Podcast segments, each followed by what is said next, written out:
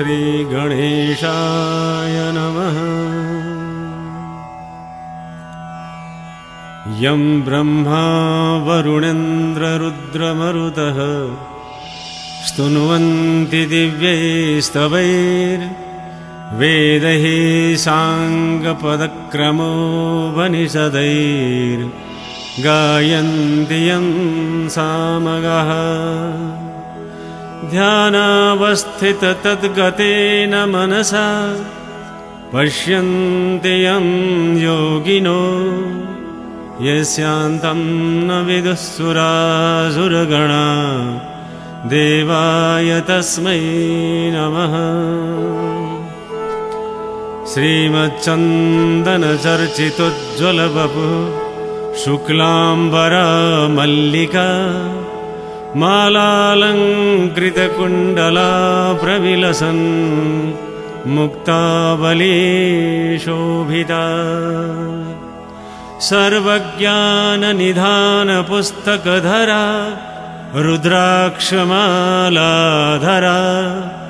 वाग्देवी वदनाम्बुजे वसतु मे त्रैलोक्यमाता चिरम् मूकं करोति वाचालं पङ्गुं लङ्घयते गिरिं यत्कृपातमहं वन्दे परमानन्दमाधवम्। नमो भगवते तस्मै व्यासायामिततेजसे यस्य प्रसादाद् वक्ष्यामि नारायणकथामिमाम् नारायणं नमस्कृत्य नरं चैव नरोत्तमं। देवीं सरस्वतीं व्यासं ततो जयमुदीरये।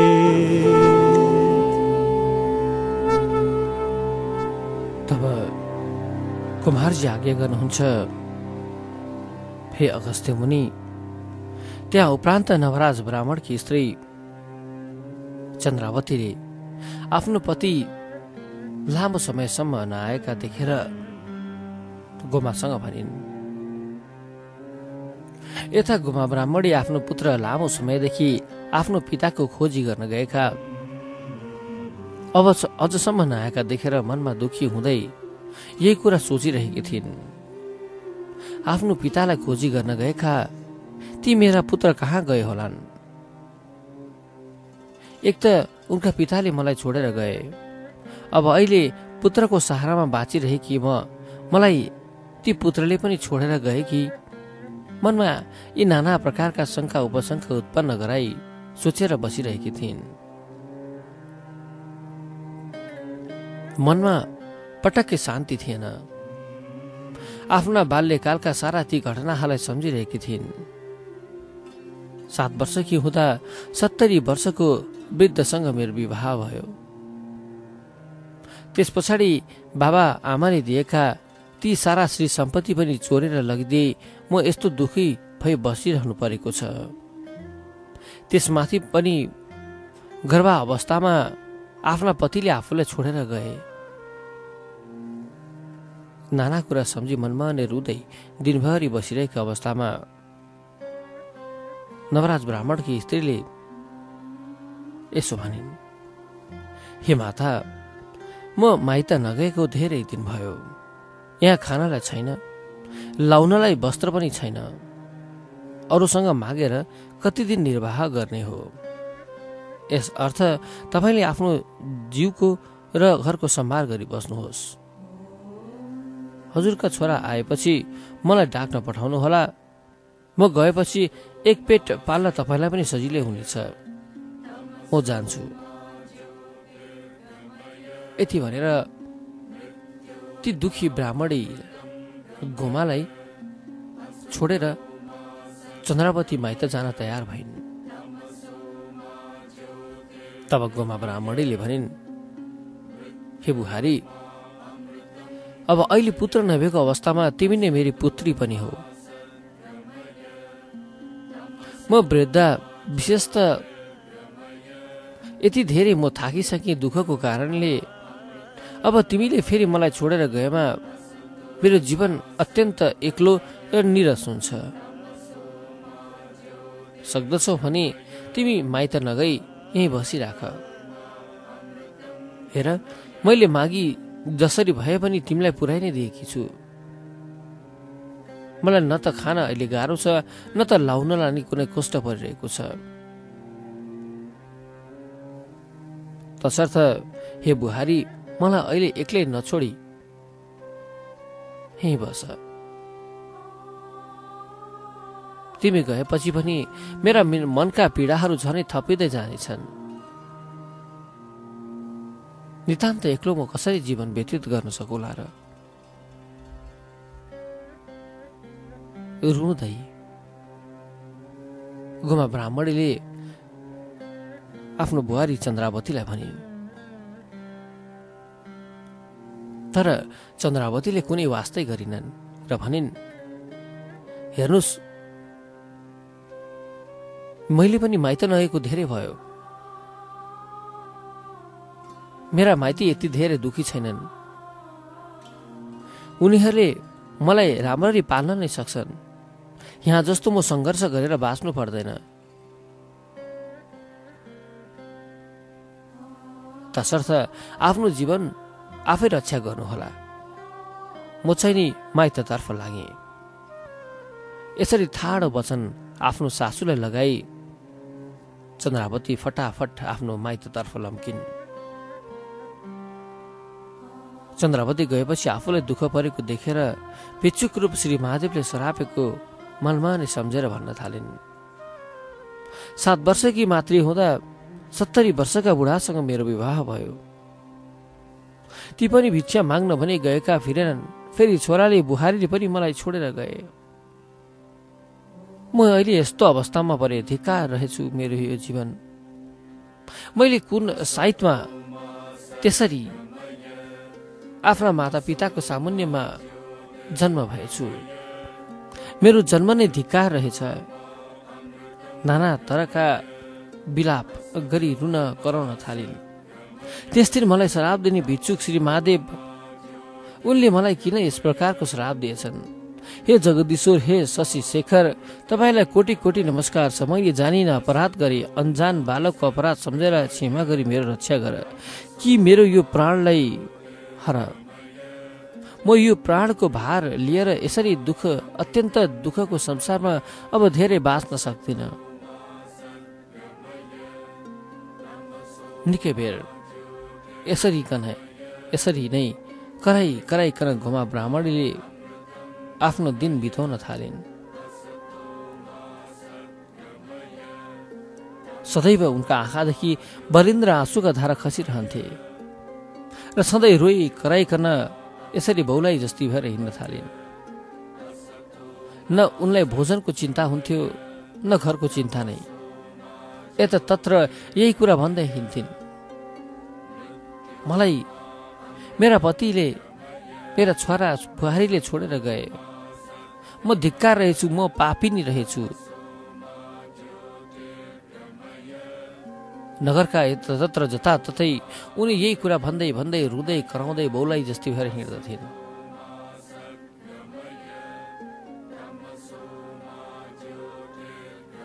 अत्यन्त मैला र घिनलाग्दा लुगा।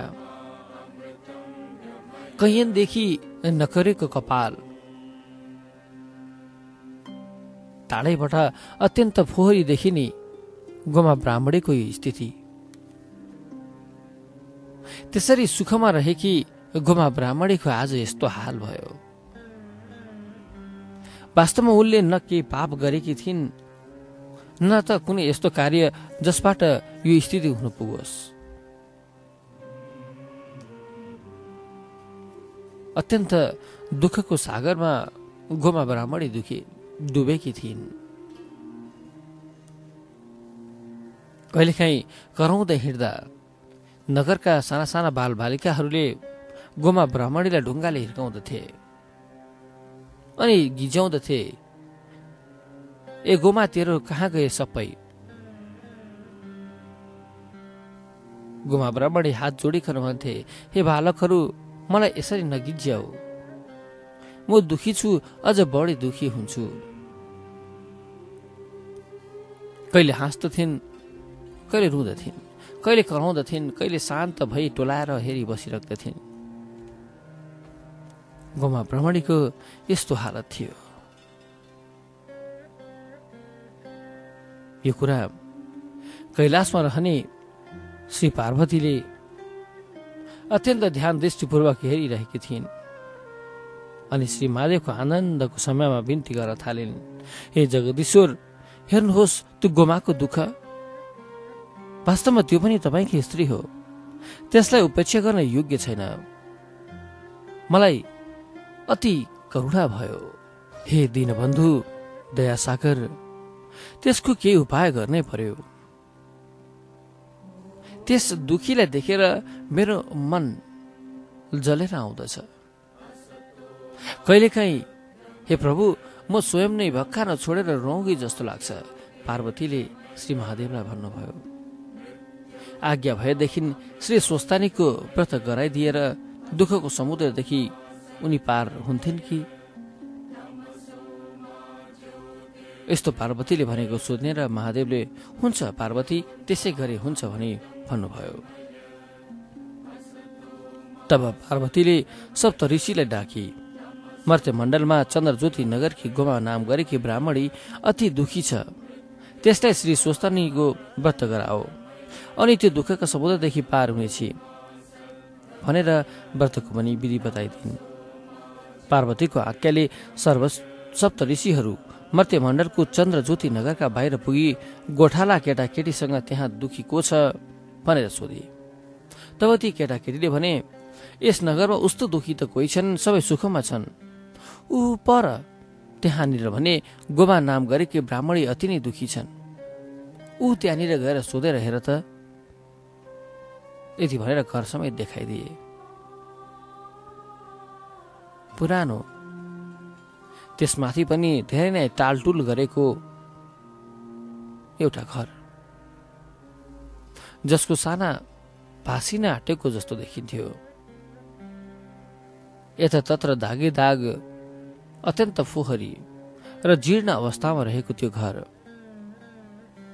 घरभन्दा पनि एक छाप्रो थियो त्यो। छाप्रोको नजिक पुगेर ऋषिहरूले गोमा ब्राह्मणीलाई बोलाए। गोमाले को हो? भन्दै ढोकाबाट बाहिर यसो हेरिन्। यसरी हेर्दा ऋषिहरूलाई देखि दण्डवत गरी आदरपूर्वक भित्र डाकेर पिर्खामा बसालिन् र हे ऋषिश्वर म यस्तै पापिनीलाई मेरो घरमा आएर दर्शन दिनुभयो। के कामले पाल्नु भएको हो? आज्ञा होस् भनिन्।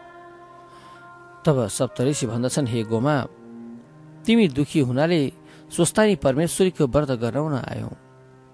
एक चित्त भएर सुन। सत्य युगमा हिमालय पर्वतकी पुत्री पार्वतीले महादेव स्वामी पाउनका निमित्त यो व्रत गरेकी थिइन्। यो व्रत पौ शुक्ल पूर्णिमाको दिन हात घोडाको नङ काटी स्नान गरी सूची भई एक चित्त रही एक भक्त रही।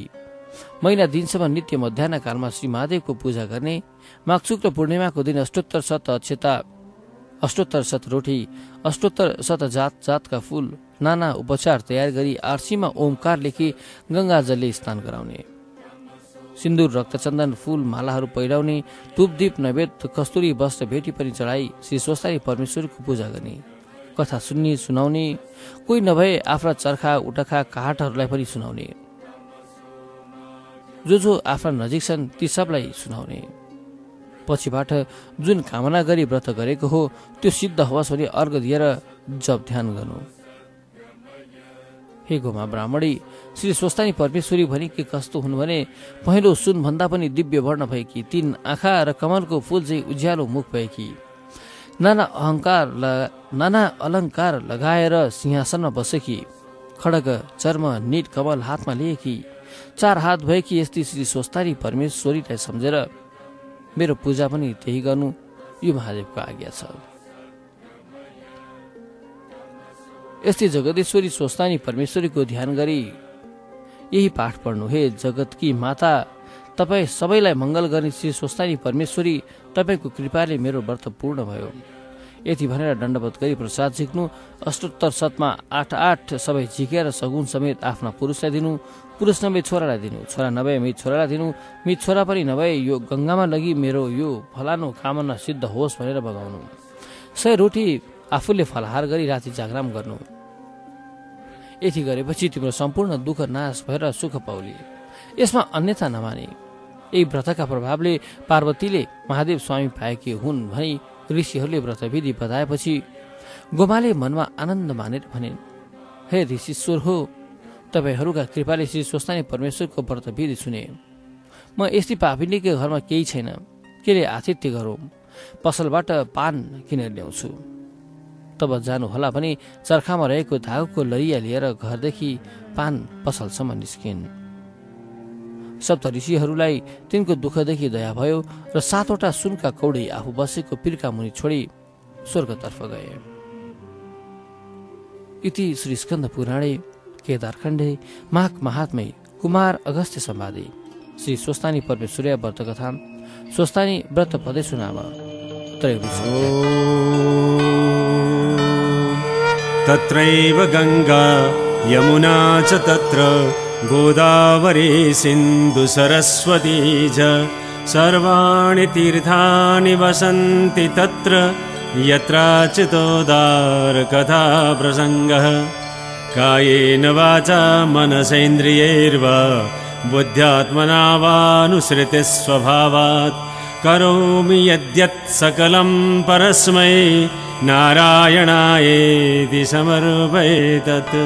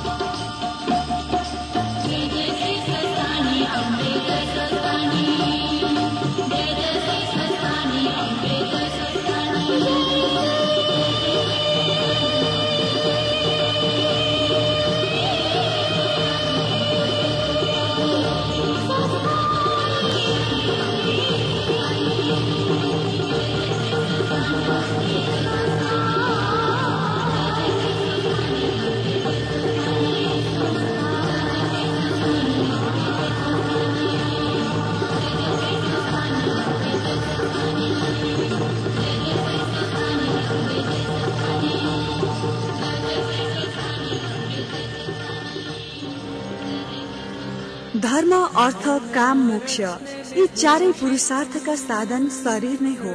अतः शरीरको सधैँ रक्षा गर्नुपर्छ। रोगहरू मुख्यत पाप कर्मकै परिणाम हुन्। तसर्थ सत्कर्म गर।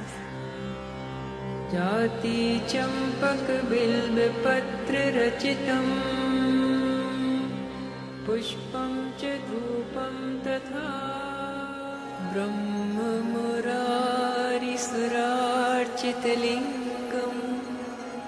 मनुष्यको मनमा सन्तोष हुनु स्वर्ग प्राप्ति भन्दा पनि ठुलो हुन्छ। सन्तोष नै सबैभन्दा ठुलो सुख हो। सन्तोष यदि मनमा परिपूर्ण भयो भने त्यसभन्दा ठुलो कुरा संसारमा केही हुँदैन। स्रोत महाभारत शान्ति पर्व। तत्प्रणमामि सदा शिवलिङ्गम्